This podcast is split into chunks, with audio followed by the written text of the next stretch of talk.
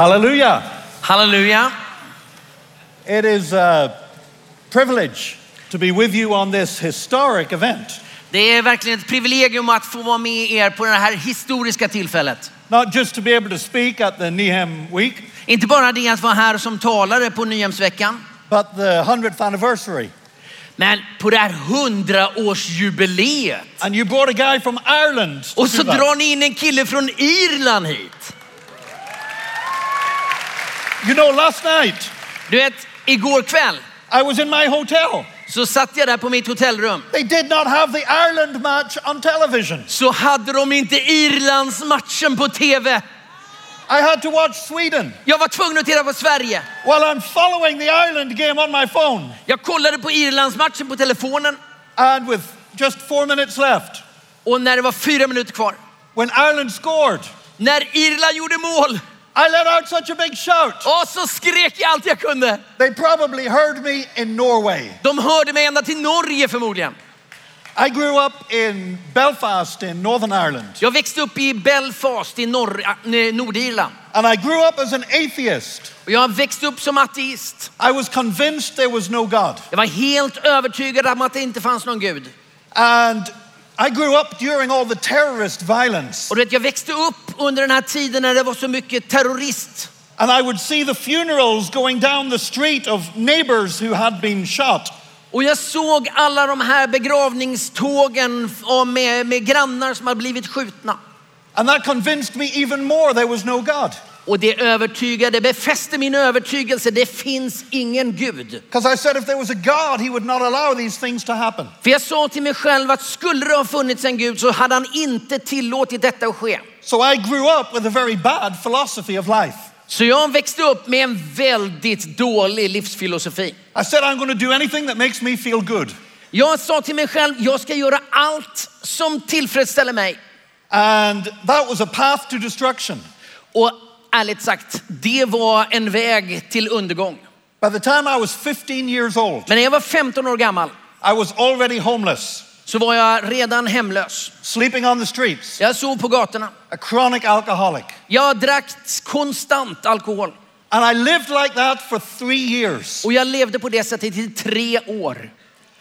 Things got so bad I wanted to kill myself. Det gick så långt att jag var beredd att ta mitt eget liv. So I tried to work out the best way to kill myself. Jag försökte fundera ut den bästa vägen att ta livet av mig. I tried to cut my wrists. Jag försökte skära mig i armarna. I cut one wrist. Jag, sköt av, eller jag skar av den ena. Man, it hurt. Oh, det gjorde ont. Too much to do the other. Nej, det går inte att ta den andra också. I decided to find an easier way. Jag bestämde mig för det måste finnas en enklare väg. And they were uh, renovating an old theatre in Belfast. Och så höll de vid det där tillfället på att renovera en gammal teater där i Belfast. And there was scaffolding all up the outside. Och de hade ställningar där på utsidan. So I climbed up the scaffolding, Så jag klättrade upp där på ställningarna. ready to jump off the top. Redo att bara hoppa rakt ut från toppen. And then I, I had something I'd never experienced before. Och då hände någonting jag aldrig varit med om tidigare. I was afraid of hell. Då blev jag rädd för helvetet. I was an atheist. I didn't believe in heaven, didn't believe in hell. Jag var ju ateist, jag trodde ju inte på helvetet. But suddenly I was afraid. Men plötsligt blev jag rädd. I could not climb down the scaffolding. Jag var så rädd så jag kunde inte ens klättra ner för, ste- för, för ställningarna. I was afraid I would fall and go to hell. Jag var så rädd att jag skulle ramla och därmed komma I, till I just helvetet. clung to the scaffolding. Jag bara höll fast mig på det här viset med ställningarna. And somebody was walking home from a bar. Och någon kom där nere och gick hem från en bar. And they looked up and they saw me. Och så tittade de upp och så såg de mig hänga där uppe. And soon there were fire engines and ambulances and police Och in kom ambulanser och brandmän och polisen. and a big crowd of people. Och massa folk där nere. They were shouting encouragement to me. Och de ropade och och försökte uppmuntra mig. Jump, jump. Hoppa, hoppa! And, and the fire officer came up the ladder Och upp för stegen så kom de här brandmännen. and he was trying to talk me down. Och han försökte prata mig ner. But I just clung to the scaffolding. Men jag bara höll fast mig så här, fast vid, vid ställningarna. I said, No, I don't want to die and go to hell. Nej, jag vill inte dö och komma till helvetet, sa jag. So he, he picked me up and he threw me over his shoulder. Så han greppade mig så här och la mig på axeln så. Now, I was not as big as I am now. Jag var inte lika stor på den tiden som jag är nu förstås. I, I, I, was less than 50 kilograms. Jag var ju, jag var ju mindre än 50 kilo. And he carried me down the ladder. Så bar han mig ner för stegen. Everybody was laughing at me. Alla skrattade åt mig. And they didn't know what to do with me. De visste inte vad de skulle göra med mig. There was no alcohol treatment centers in the city for anybody my age. Det fanns ingen eh, be, behandlingsinstitution för, för ungdomar i min ålder. So they locked me in a mental hospital. Så de låste in mig på ett mentalsjukhus. And I hated that place Och jag hatade verkligen den platsen. because everybody was crazy För alla var ju galna där. except me. Ah, utom jag förstås. And finally, I convinced the doctors I was not crazy. Och till slut så lyckades jag övertyga doktorerna om att jag inte var galen. So they said, We're going to discharge you. Okej, vi släpper ut dig. I said, But I don't want anyone to bring me back in here again. Men jag vill försäkra mig om att ingen drar in mig här igen. Will you give me a certificate Kan inte du ge mig någon slags eh, intyg? to say I'm not crazy? Ett intyg som säger den här grabben är inte galen. And they gave me that certificate. Och jag fick ett sånt intyg. I have a certificate to prove I'm not crazy. Jag har ett intyg som bevisar att jag inte är galen. And this is a great thing for a preacher to have. Och det är en bra sak för en predikant att ha. Sometimes I'm preaching Ibland när jag predikar and people say, Man, you're crazy. så säger du, hör du, du är galen. I say, I'm not crazy. Jag är inte galen säger jag. I've got a certificate. Jag har intyg som bevisar att jag inte är galen. Do you have one of those Har certificates? du något sånt intyg? They never have one. Det är sällan de har det. But I want to tell you tonight Men jag ska berätta för er ikväll. if you're born again by faith in Jesus, Om du är född på nytt genom tron på Jesus you have a certificate to say you are not crazy. så har du ett, ett intyg som säger du är inte galen. Because the Word of God says this För Guds ord säger oss, For God has not given us a spirit of fear, Gud, eh, eh, Guds ord säger att vi har inte fått en ande av, eh, av rädsla. but of boldness and love and a sound mind. Men en ande som ger oss frimodighet och styrka och en klar tanke. So you've got a certificate in the Bible that says you're not crazy. Så Bibeln ger dig intyget om att du inte är galen. My life continued on the streets, Mitt liv fortsatte där på gatan. and then I got in trouble with the terrorists. Så kom jag i problem med terroristerna. Because in, in Belfast, the terrorists would uh, enforce discipline in the areas where the police could not go. För där i Belfast så, så liksom eh, tog terroristerna kontrollen och, och liksom bestämde i områden där polisen inte kunde kon- ha kontroll. And in those places, if somebody steals from you, Och där i de platserna, om någon tar från dig, you cannot go to the police det går inte att gå till polisen. because you will be shot as an informer. För då kommer du bli skjuten som en informatör. So you go to the terrorists, Så går du till terroristerna istället. and they find the person who robbed from you, Och de kommer hitta den som snodde grejerna från dig. and they shoot them through the kneecaps. Och så skjuter de dem i knäna. Now, you got two sets of terrorists in Northern Ireland. Du vet att man har ju två, det, i Nordirland så finns det två typer utav terrorister. And I had both sets chasing me Och jag hade ju båda, båda typerna som jagade mig. Because I was not prejudiced or bigoted. What? I was not prejudiced or sectarian. Ja, du vet att jag var ju, jag tillhörde ju ingen av de här grupperna. I would steal off anybody, Jag snodde ju från vem som helst. Protestants and Catholics. Jag tog från både protestanter och katoliker. So I had both sets of terrorists after me. Så jag hade ju båda grupperna efter mig. And the only place that would give me shelter Och den enda platsen som gav er någon typ av skydd, was the Salvation Army. Det var Frälsningsarmén. And so I went and I stayed in the Salvation Army hostel for the homeless. Så jag drog mig undan och höll mig eh, på, på Frälsningsarméns eh, härberge. You know, sometimes when myself and my wife first meet another couple, Du vet, ibland när jag och min fru möter ett eh, annat par för första gången we all tend to ask the same kind of questions. så frågar vi alltid den samma typen av frågor. How did you guys meet? Hur möttes ni då? And we say, my wife was a member of a musical team. Och då säger vi att ja, men min fru hon var liksom medlem i lovsångsteamet där. that went in to minister to the alcoholics in the hostel. Och så gav hon sig in i arbetet med, med alkoholisterna där på härberget. And I was one of the alcoholics she was ministering to. Och jag var en av, av de intagna där, alkoholisterna som hon tog hand om. She must have ministered really well Och hon måste ha gjort sitt jobb riktigt bra. because last week we were married for 30 years. För förra veckan så var vi gifta i 30 år. And I looked at these Salvation Army people Och så kollar jag på de här frälsningssoldaterna. and they had a joy. De hade en sån glädje. And I was jealous Och jag blev avundsjuk. because I was doing all the things I thought you had to do to have a good time. Du vet, jag gjorde allt som jag trodde man behövde göra för att leva det goda livet. But I was miserable. Men jag var ju eländig. And they, they didn't do any of those things. De gjorde ingenting av detta. They weren't fighting, De slogs they inte, didn't drink, de drack inte, they didn't take drugs, de tog inga droger, they didn't sleep around, de låg inte runt. but they had joy. Men de var så glada. And I was jealous. Och jag var ju avundsjuk. So I went one Sunday evening to a Salvation Army service. Så en söndag kväll så gick jag till en gudstjänst här på Frälsningsarmén. I said, I'm going to get the joy without getting any of the Jesus stuff. Jag, skulle, jag gick dit för att få lite av glädjen utan att få det där Jesus-tjafset. And I never forget going into a church for the first time. Och jag glömmer aldrig gången jag gick in, den gången jag gick in i kyrkan för första gången. The guy at the door handed me a Bible.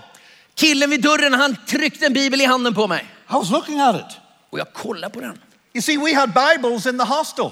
Du vet, vi hade ju biblar där på härberget. Everybody had a Bible beside their bed. Alla hade en bibel där vid sidan av sängen. We used to tear the pages out Vi brukar riva ut sidorna and use them to roll cigarettes. och använda det för att rulla cigaretter. We would pick discarded cigarette ends off the street Vi brukade plocka fimparna från gat, gathörnen and take the little bits of tobacco out och plocka ut det sista lilla av, to, av eh, eh, eh, tobak. and roll our own cigarettes. Och så använde vi det och rullade våra egna cigaretter. Now, now, what I'm about to tell you, Men det här som jag nu håller på att berätta, don't try this at home. försök inte detta hemma hos er. Just trust me. Bara lita på mig. But the Bible pages make better cigarettes than any other book. Jag lovar er, bibelbladen de ge- ger de absolut bästa handrullade cigaretter du någonsin kan få. Because the paper's so thin. För pappret är så tunt. And so I walk into this church. Så går jag in där i kyrkan, The guy hands me a Bible. så får jag en bibel i handen. I'm looking at it. Så kollar jag, He said, What's wrong? Vad är det för fel säger han till mig. Have you never seen a Bible Har du aldrig before? sett en bibel förut? I said, I have. Jag har, säger han. I've smoked my way through Matthew, Mark, Luke, and John. Jag har rökt mig igenom hela evangeliet. But that night, Men den kvällen, the preacher began to share the word of God. när predikanten började dela Guds ord, And it was not a book of cigarette papers, det var inte en bok av cigarettpapper. it was the word of life. Det var ett ord för livet. And it got to the end of the meeting. Och vi kom till mötets slut And I went to the front. och jag gick fram And I, I, I got down on my knees to receive Jesus as Savior. och jag böjde mina knän för att ta emot Jesus som min frälsare. And a man came to pray for me. Och en man kom fram för att He be. put his arm around me. Han la armen om mig så här. And I looked at him. Och jag kollade på honom. I knew this man. Jag kände igen honom. He was a police officer. Det var en polis. He had arrested me on several occasions. Han hade satt mig i finkan massa gånger. But he said this Men så sa han, Last time we met, senast vi möttes I was the arresting officer. så var jag den polis som satte dig i arresten. You were the suspect. Du var den misstänkte. But tonight, Men ikväll, if you will pray this prayer with me, om du ber den här bönen tillsammans med mig, we will be brothers joined by the blood of Jesus så Christ. kommer vi bli bröder förenade i Jesu blod. And, I, and as he prayed with me, Och jag sa, be med mig. Jesus came into my life. Jesus kom in i mitt liv. I got the joy. Jag fick den där glädjen. And I got Jesus. Och så fick jag Jesus. And I said, I want to spend the rest of my life sharing this with other people. Och jag sa till mig själv, det här ska jag tillbringa resten av mitt liv för att dela med mig till andra. And that was 35 years ago. Och det där är 35 år tillbaka i tiden. And I still spend all my time telling people about Jesus. Och jag fortsätter att tala om vad Jesus har gjort i mitt liv. Praise God. I was ordained as a minister, Jag blev avskild som en predikant. min- uh, pastored in England for a while, Jag jobbade som pastor i England ett tag. then returned to Ireland. Så återkom, återvände jag till eh, Irland. We started our first church 23 years ago. Vi startade vår första kyrka 20 för 23 år sedan. And that church began to grow slowly. Och sakta men säkert så började den kyrkan att växa. And then something happened. Och så hände någonting. God began to bring people from other countries to our nation. Gud började föra människor från andra länder till vårt land. Now, Ireland had never had immigration Du vet, Irland har aldrig haft eh, invandrare. because we were a nation that traveled other places to find work. För vi var ju den nation som åkte till de andra ställena för att hitta arbete. But suddenly, in this 10 year period, Men plötsligt under den här tioårsperioden we went from having no immigrants så gick vi från att ha inga invandrare to where immigrants were 15% of our population. till ett land med 15 procent immigranter. And God spoke to our church. Och Gud talade till vår kyrka. He said, You've got to be a church for all nations.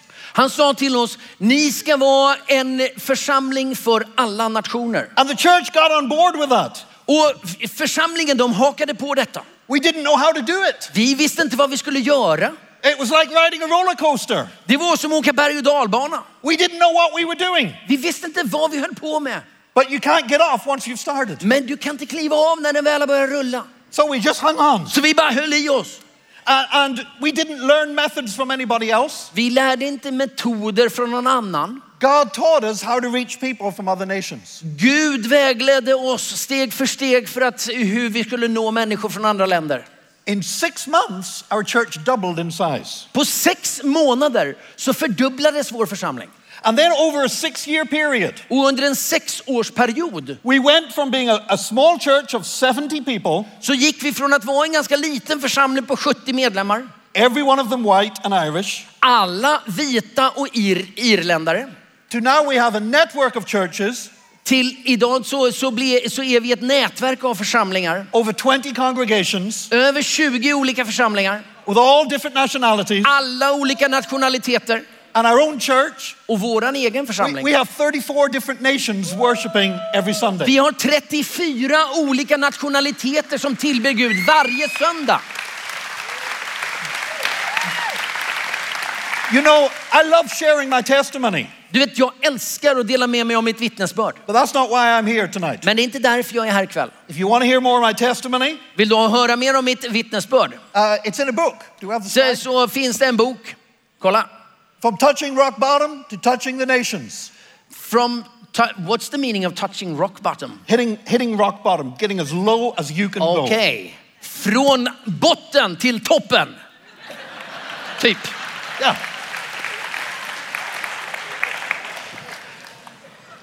But I want to share something with you tonight Men nu vill jag dela någonting med er ikväll. because the title of tonight's message För titeln på eh, budskapet här ikväll is What is it är vad är det för något? and where is it? Och var finns det någonstans?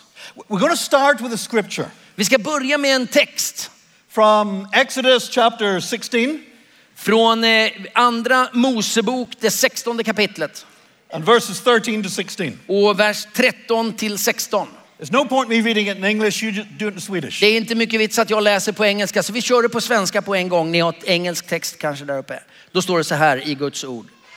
Den kvällen kom det vaktlar i sådan mängd att det täckte hela lägret. Och på morgonen låg det dagg runt omkring lägret. När daggen hade torkat låg det ute i öknen något tunt och frasigt. Tunt som rimfrost på marken. Och när israeliterna såg det frågade de varandra, vad är det där? Eftersom de inte visste vad det var. Moses sa till dem, det är den mat som Herren ger er att äta. Och Herren har gett er denna befallning, samla så mycket av det som var och en behöver. Ett omermått per person för samtliga. Varje husfar ska hämta till dem som han har i sitt tält. You see, the Israelites got this stuff on the ground Du vet, israeliterna de fick det här på marken. and they said, What is it? Och de sa till, till varandra, vad är det här för något? And the Hebrew for what is it Och det hebreiska ordet för vad är det här is manna. är manna. So that's what they called it. Det var det de kallade det. What is it? Vad är det här för något? And we don't know what it was. Vi vet inte vad det var för något. You know, scientists, they try to explain the miracles away. Du vet, vetenskapsmännen de be, försöker ju alltid så förklara och ibland bortförklara eh, undren. I was watching a program on the Discovery Channel, Jag tittade på ett program på Discovery Channel. They said this is an insect De eh, menar att ja, det här måste röra sig om en insekt which eats a particular bark of a tree som eh, äter barken från ett speciellt träd. and it produces this white stuff Som producerar det här vita eh, skumma grejerna which you can eat. som du kan äta. That is so stupid. Det är ju så korkat. You need more faith to believe that than just to believe it was a miracle. Du behöver ju mer tro för att tro på den här insekten än att tro som det står i skriften. There's 600,000 Israelites. Det är 600 000 israeler där i öknen. They're getting a big jug of this stuff every day. De får en hel bunt utav det här varje dag. Those insects must have been the size of elephants. De här insekterna måste vara stora som elefanter. Impossible. Det är omöjligt. God did a miracle. Gud gjorde ett under. And he kept doing it for 40 years. Och han fortsatte att göra samma under under 40 år. Every day Varenda dag. they would go out. De gick ut. First thing they see is the manna. Det första de såg, det var mannat. God's done the miracle again. Gud har gjort undret igen. Not on the Sabbath day, Inte på sabbatsdagen däremot. but they got twice as much the day before. Men de fick ju dubbelt dagen innan.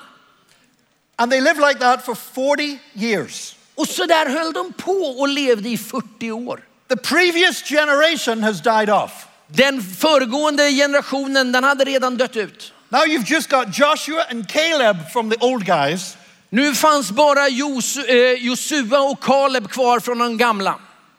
Everybody else has never plowed a field. Ingen av de andra hade plöjt en åker. They've never planted a seed. De hade aldrig sått säden. They've never, never ground corn into flour. De hade aldrig malt mjöl, korn till mjöl. They've never baked a loaf of bread. De hade aldrig bakat en brödlimpa.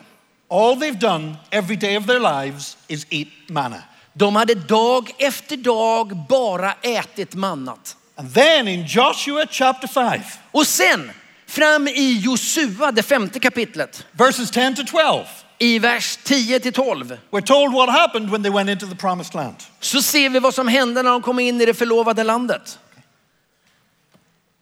När nu israeliterna hade sitt läger i Gilgal firade de påsk i öknen vid Jeriko på kvällen den fjortonde dagen i månaden.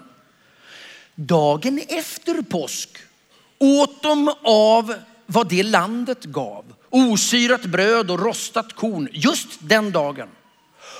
Och från den dag de åt av vad landet gav kom inte längre något manna. Israeliterna fick inget manna mer utan åt detta år av skörden från kanan.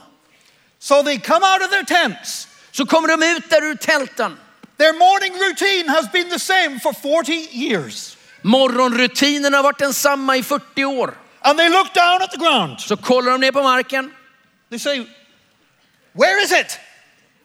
och de säger till varandra, var är det någonstans? You see, what is it Du vet, vad är det för något? has now become, Where is it? Har nu blivit, var är det någonstans? We're going to starve. Vi kommer svälta. There's no more manna. Det finns ingen manna. This is the worst thing has ever happened to Det är det Israel. värsta som har hänt vårt folk. In fact, it was the best thing Faktum var att det var det bästa som någonsin hade hänt dem. because it was never God's original intention for them to eat manna.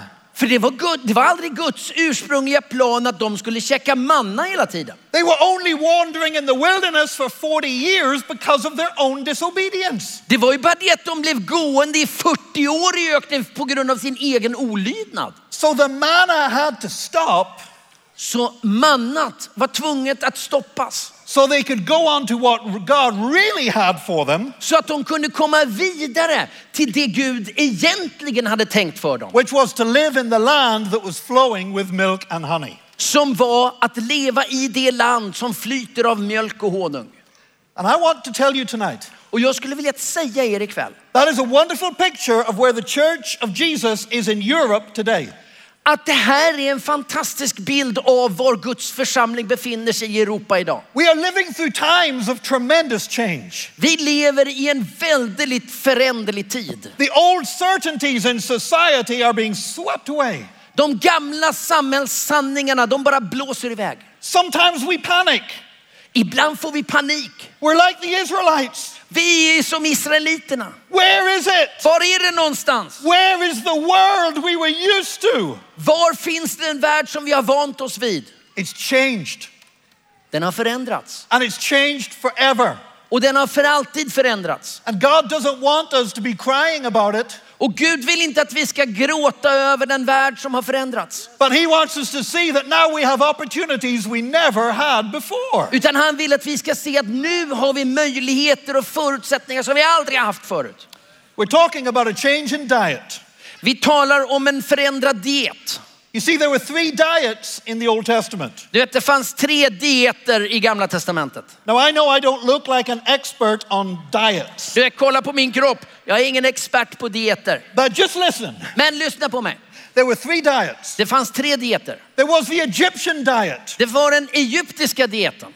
In fact, when they got bored in the wilderness, they looked back to the Egyptian diet. Faktum är att eh, tid till annan så eh, när de tröttnade på öknen och vildheten där så tittade de tillbaka mot Egyptens They said, grytor. We had garlic, Åh, vi hade vitlök. we, we had onion, Åh, våra lökar. cucumber. Åh, gurkorna. Minns ni gurkorna? You know, I like onions, Du vet, jag gillar, jag, jag gillar lök. I like garlic. Jag gillar vitlök. Cucumber is a waste of space on a plate.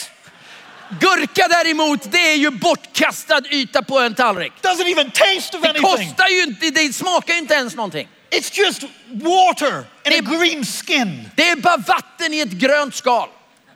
But none of those things will fill you up or satisfy. Men ingenting av detta kommer att fylla dig eller tillfredsställa dig. You see, that was the Egyptian diet. Det var den egyptiska måltidsdieten. It made you feel good for a short time, Det skapade en tillfällig tillfredsställelse. but it could not satisfy. Men det, inte för, det räckte inte för länge. Soon you were hungry again. Snart blev du hungrig igen. And I want to tell you, Jag skulle vilja säga till dig, before we came to Jesus, innan vi kom till Jesus we were living on the Egyptian diet. så levde vi på den egyptiska dieten. We, we searched for things in life. Vi letade för efter saker i livet They made us feel good for a while, som fick oss att känna oss bra för en stund. but they never satisfied. Men vi blev aldrig tillfredsställda. We were still hungry. Vi fortsatte att vara hungriga. But then the wilderness diet. Men sen kommer ökenlandskapets diet. Now, this is much better than the Egyptian diet Den här är ju mycket bättre än den egyptiska dieten. because you can live on this for 40 years. Du kan leva på den här i 40 år. And it was laid on every day. Och den kom där och placerades framför dig i dag efter dag i 40 år. Please listen to what I'm saying. Lyssna på mig, snälla lyssna på mig. Most Christians live on a wilderness diet.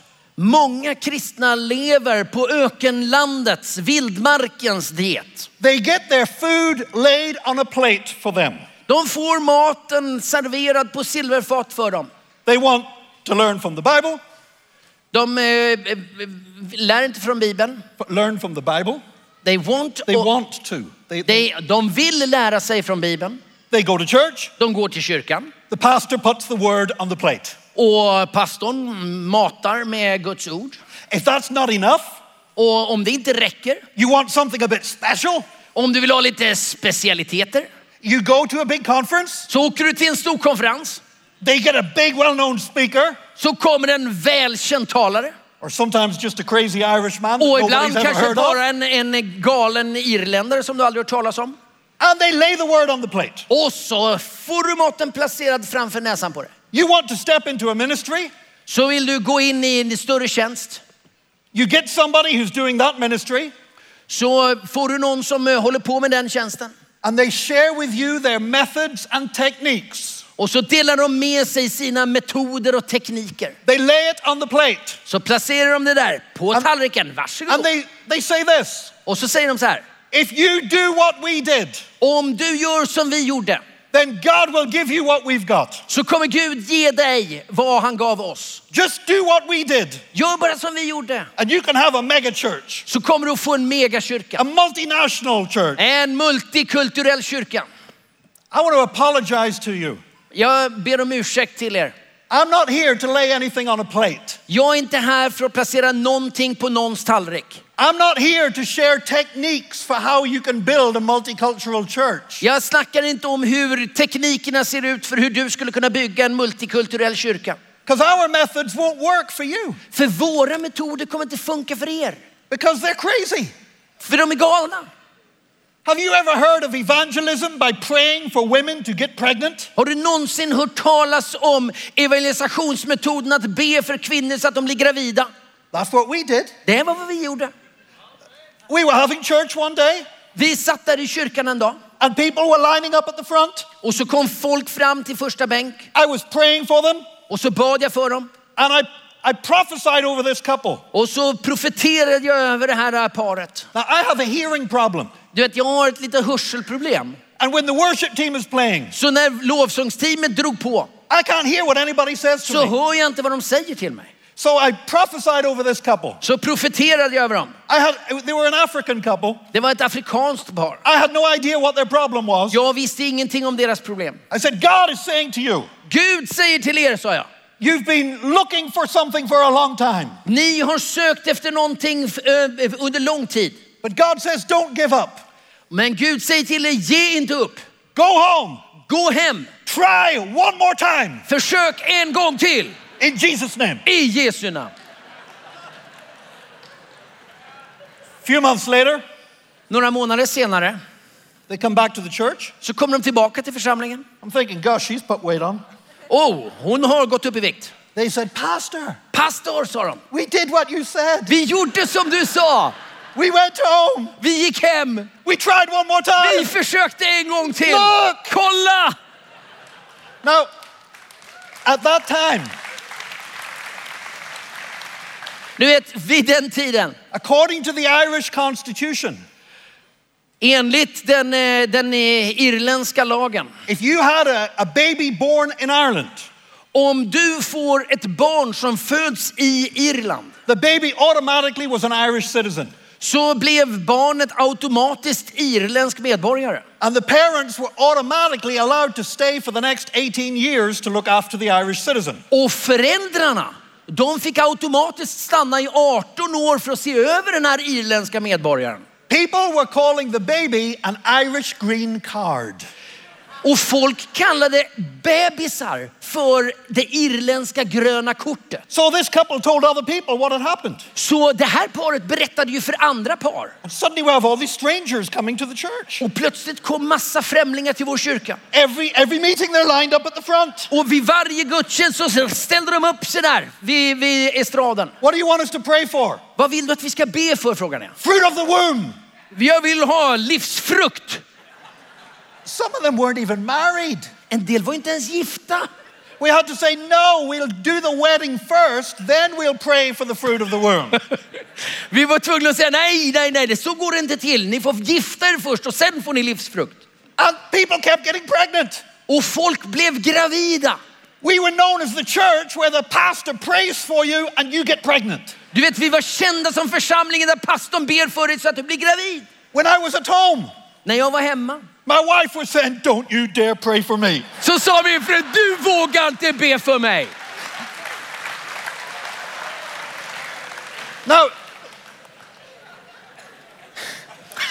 that was 15 years ago. Is that true? That's true. that was 15 years ago. Det är 15 år sedan. Now that, that was that is true. That is also, det är också sant. Now the the Irish don't always tell the truth. Du vet, irländare, de talar inte alltid sanning. We have a saying, Det finns ett eh, uttryck. don't let the truth get in the way of a good story. Låt aldrig sanningen komma i vägen för en god berättelse. But that one is true. Men den här är sann. And today we have the biggest youth group in Ireland. Du vet, idag har vår församling den största ungdomsgruppen i hela Irland. We've got all these teenagers. Vi har alla de här tonåringarna. And I prayed most of them into existence. Och jag har bett fram de flesta av dem. now, I'm not recommending that you try this in your church. Alltså allvarligt talat, jag rekommenderar inte er att prova det här hemma i er kyrka. If you go back from Nehem and tell people we're going to do evangelism by pregnancy, Du vet om du kommer hem till din församling efter, efter Nyhem och säger nu ska vi evangelisera genom graviditeter. th- they're going to kick you out of the church. De kommer slänga ut dig. The method's not what matters. Det är inte metoderna som avgör det. This is what matters. Detta är det som avgör det. We had moved from the wilderness diet Att vi övergår från vildmarkens diet to the Canaan diet, till den kananeiska dieten. where, where now you don't get it handed on a plate. Du kommer inte få den serverad på en tallrik. You've got to step out into this scary new world. Du, det, du skjuts ut där i den här skrämmande nya världen. And know you're in the center of God's will. Du vet att du är mitt i Guds vilja And let God work through you. och låt Gud arbeta genom dig. And God will do it. Och Gud kommer att göra det. You see, when you get hold of God's will for your life, Du vet, när du får tag på Guds vilja över ditt liv. now I was going to talk a lot tonight about how the world is changing, Du vet, jag hade tänkt att prata en massa om, om hur världen förändras. but I very rarely get to the end of my notes when I preach Men du vet att jag kommer sällan till slutet på mina anteckningar när jag predikar. because I keep thinking of another story. För jag kommer alltid på en annan berättelse. But it is God's will to reach all the nations on earth. Men detta nu, va? Guds vilja är att nå alla nationaliteter och, och etniciteter på jorden. That's the Great Commission. Det är den stora missionsbefallningen. And today, God is bringing those nations to us. Och idag så kommer alla dessa nationaliteter till oss. Now, I don't care if you think that's a good thing politically. Ja, det spelar ingen roll om du tycker det är en bra sak rent politiskt. The fact is, it's happening, Fakta är att det händer. And nothing you can do will stop it. Och ingenting som du kan göra kommer att stoppa det. You can build a wall, Du kan bygga en mur, you can close borders, du kan stänga gränser. you won't stop it. Det kommer inte stanna. More people are on the move now than ever in history. vet, det finns fler på flykt idag än någonsin tidigare i historien. And it's going to increase Och det, det här kommer växa. because there's always been poor people in the world and rich people. Det har alltid funnits rika och fattiga i vår värld. But often the poor people didn't know they were poor. Men ofta var det ju så här att de fattiga visste ju inte att de var fattiga. A man was in a village somewhere. En man sitter i en by någonstans. His entire possession was three cows. Han, hans totala egendom var tre kossor. Everybody else in the village had one cow. Alla de andra i byn, de hade en kossa. He thought he was rich. Han trodde han var rik. Nobody thinks like that anymore. Så finns det ingen som tänker längre. I travel to Africa Jag reser till Afrika and I go to these villages. och så kommer jag in i de här byarna. There's no paved road, Inga asfalterade vägar. no electricity line, Inga, eh, ingen elektricitet. no running water, Inget rinnande vatten. just mud huts. Bara lerhyddor. But on one of those huts, Men på eh, en del av de här hytterna, hyddorna there's a satellite dish, så finns det en eh, parabolantenn. solar powered. Den är driven med eh, s- solceller. And you know where the men of the village are? Och vet du vem, som är, vem, vem den mannen är? They're in that hut Alla männen är där i den hyttan. watching an English Premiership football match. De sitter där, alla gubbarna i byn, i den hy- hyddan och kollar på engelsk fotboll. And then at halftime, Och sen vid halvtid they show the commercial breaks så kommer reklamavbrotten. And they show refrigerators that are bigger than some of those people's houses. Och det visas där eh, kylskåp som är större än en del av killarnas egna hem. And every one of those guys looks at that screen Och alla i hyddan, de sitter och kollar på skärmen. and they say exactly what we would say in that situation. Och de säger precis det du och jag skulle ha sagt i den situationen. I want my children to have that part of that life. Jag vill att mina barn ska få del av det där livet. And so today, the, the push and the pull factors are just increasing. Så du vet att idag så är ju alla typer av faktorer, både de som drar och de som eh, och trycker ut, de växer. And if we want to be a church that reaches the future for our nations, Och du vet att om vi vill vara församlingar som, eh, som, som når med framtiden, then we got to learn how to reach all these different kinds of people. Så behöver vi lära oss hur vi ska nå alla de här olika typer av människorna. And it's not going to happen by techniques. Och det kommer inte att hända genom sm- smarta tekniker. Instead, we seek God's face. Utan det kommer handla om att vi söker Guds ansikte. And when you understand that you are part of something much bigger that God is doing, Och när du förstår att du är del av någonting mycket större, något som Gud gör, God releases something into the church. så kommer Gud att frigöra någonting i församlingen. It's called serendipity. Det kallas för serendipitet. I, apolo- I apologize to my translator. vi, använder inte det ordet på svenska. Serendipitet. Eller hur? This, Nej. word is officially the hardest word to translate from English into another language. Det här är garanterat det svåraste ordet som vi översätter från engelska till något annat språk. In fact, the best way I can describe it Det bästa sättet jag skulle kunna beskriva det på, is it is the opposite of Murphy's Law. det är att det är motsatsen till Murphys, lo- eh, Murphys lag. Murphy's Law was named after an Irishman Murphys lag, eh, den eh, har fått sitt namn efter en, eng, eh, en irländare. It says this Den säger så här, If anything can go wrong, om något kan gå fel, it will go wrong. kommer det gå fel. At the worst time På det sämsta tillfället, and in the worst possible way. på det absolut värsta tänkbara sättet. And the reason they call it Murphy's Law Och anledningen till att det kallas för Murphys lag, is because that pretty well describes the history of Ireland. Därför att det beskriver ganska väl Irlands historia.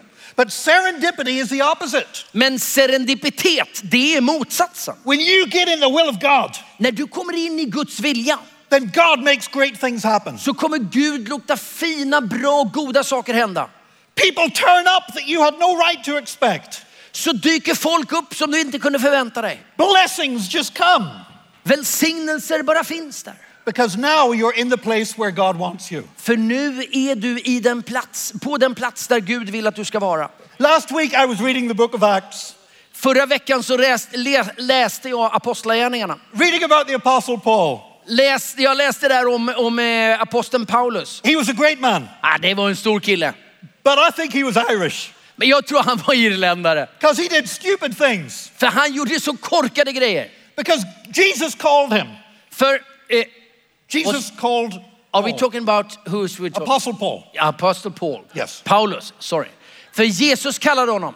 And twice Jesus said this to him Och två gånger fick Jesus säga detta till honom. I'm sending you to the Gentiles. Jag skickar dig till hedningarna. And they even had an agreement in Jerusalem Och de hade till och med en överenskommelse där med Jerusalems församlingen. that Peter and the Jewish church would be the apostle to the Jews, Att eh, Petrus och den judiska församlingen i Jerusalem skulle betjäna den judiska befolkningen. and Paul with the Antioch church would be the apostle to the Gentiles. Och Paulus tillsammans med den antiokenska kyrkan skulle, skulle nå till hedningarna. And then you read about Paul's ministry in the book of Acts. Och så läser de om Paulus där i Apostlagärningarna. He goes, every time he goes to a new city, Varenda gång han kommer till en ny plats. Do you know where the first place is he goes? Vet ni Preach? vart han går först för att predika? The synagogue. Till synagogan.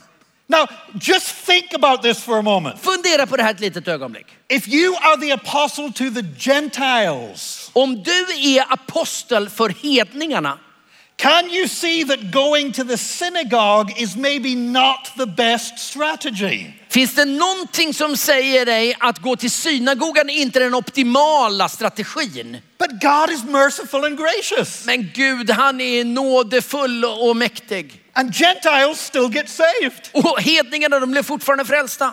But the Jews get mad Men judarna, de blev arga and they stir up trouble. och de skapade problem. So Paul gets beaten up. Och Pa- Paulus, han fick ju stryk. He gets stoned and left for dead. Han stenades och lämnades till att dö. He gets thrown in prison. Han slängdes i fängelse. And then he's in Corinth. Och där i Korint And, and he does the same thing. så gör han detsamma. He goes to the synagogue Så går han dit till synagogan and they start shouting abuse at him. och de börjar förolämpa honom. And he walks out. Så går han ut. He says, I've had enough of this. Nu har jag fått nog av det här. From henceforth, I'm going to the Gentiles. Nu lämnar jag er bakom mig. Nu går jag till hedningarna. And I can just see God in heaven Och jag kan bara se Gud där i himlen. go, Yes! Ja, där satt den! At last, he's got it. Till slut fattar han. He understands what I want him to do. Nu förstår han vad jag vill att han ska göra. And then you see something different. Och sen ser du någonting annat. You see Paul being able to stay in the same place and preach for two years. Du ser en Paulus som kan stanna på samma plats och predika i två år. Nobody drives him out of town. Ingen slänger ut honom ur stan. You see him raising the dead Du ser honom uppväcka döda. because now serendipity is at work. För nu kommer Guds välbehag, serendipiteten.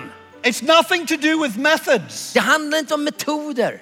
It's everything to do with embracing God's plan for your life and for your church. Det har helt och hållet att göra med att du omfattar Guds plan och tanke med ditt liv. And this is what we're going to do tonight. Och det här är det vi ska göra ikväll. I want to pray for you. Jag vill be för er. I want to pray for people here tonight Jag vill be för människor här ikväll who are looking at this new world where everything has changed. som tittar på den här föränderliga världen. The manna has gone. Mannat är borta sedan länge. The church is not a privileged voice in society anymore. Kyrkan har inte längre en privilegierad ställning i samhället. We're a minority. Vi är en minoritet. We are ministering to people who no longer look like we look. Vi betjänar människor som inte ser ut som vi gör. The Egypt diet was no good anyway. Den egyptiska dieten, den var ju inte så bra i alla fall. And now the wilderness diet is not going to cut it anymore. Och vildmarkens diet kommer inte räcka längre. We need to start hearing the voice of God. Vi behöver börja höra Guds röst. We need to embrace His will for us Vi behöver omfatta hans vilja med våra liv. as we plant and build churches that are for all nations När vi börjar plantera och forma kyrkor som är för alla nationaliteter. and for young and for old, För unga och för gamla. All kinds of people. Alla typer av människor. And God will, and God will show us methods that we never dreamed of. Och Gud kommer visa oss metoder som vi inte ens kunde tänka oss. It might not be praying for pregnancies, Det kanske inte är att be för graviditet, graviditeter. but some of them will seem equally strange. Men en del kan se lika märkliga ut. And God will send the people you need. Och Gud kommer sända de människor du behöver. He, he will send you the finances you need. Han kommer att se till finansieringen som du behöver. He will give you friends in high places. Han kommer ge dig vänner och, och skyddsplatser. But we need to be humble enough Men vi behöver bli ödmjuka to say, God, you're calling me into something great. och säga Gud, du kallar mig in i någonting stort. It's a brave new world. Det är en spännande och svår ny värld. And we can't do this without your help. Och vi kan inte göra detta utan din hjälp. So if you want the Lord Så om du vill ha Herren, to touch your life, om du vill att han ska beröra ditt liv, to give you an anointing att beröra dig med ny smörjelse, for new creative ways of sharing the gospel, för nya kreativa vägar att dela evangeliet. I'm going to ask you to stand to your feet Så jag vill be er att ställa er upp. and come here to the front. Och ni som önskar detta, kom här fram till fronten. We're, we're just going to pray over people. Vi kommer be för människor här ikväll. I'm not going to come and pray for people one on one Jag kommer inte att komma och be för människor en och en. because I won't hear what you're saying anyway. Jag kommer ändå inte höra vad ni säger. Plus, I speak the wrong language. Jag talar ju dessutom inte ert språk. But I do want to just pray as a group Men jag vill be för er som grupp. over all those who want to be released into this Holy Ghost creativity. Över alla er som vill bli förlösta i den här heliga andes kreativitet. Because God is greater than you ever imagined. För du vet, Gud, han är större än du någonsin kan tänka dig. The devil's boring. Djävulen, han är uttråkande. He's predictable. Han är förutsägbar. He does the same old stuff all the time. Han gör samma grejer om och om igen. But God's mercies are new every morning. Men Guds nåd är ny varje morgon. And there are people here today Och det finns människor här idag are going to have innovative ministries in Sweden. som kommer att betjäna Guds församling med innovativa eh, uttryck. You're going to be surprised at the people God will bring to you. Du kommer bli så förvånad över de människor som Gud sänder i din väg. People who you thought it was impossible to come to Christ. Människor som du trodde det var omöjligt att de skulle komma till Jesus. God can use you to reach them.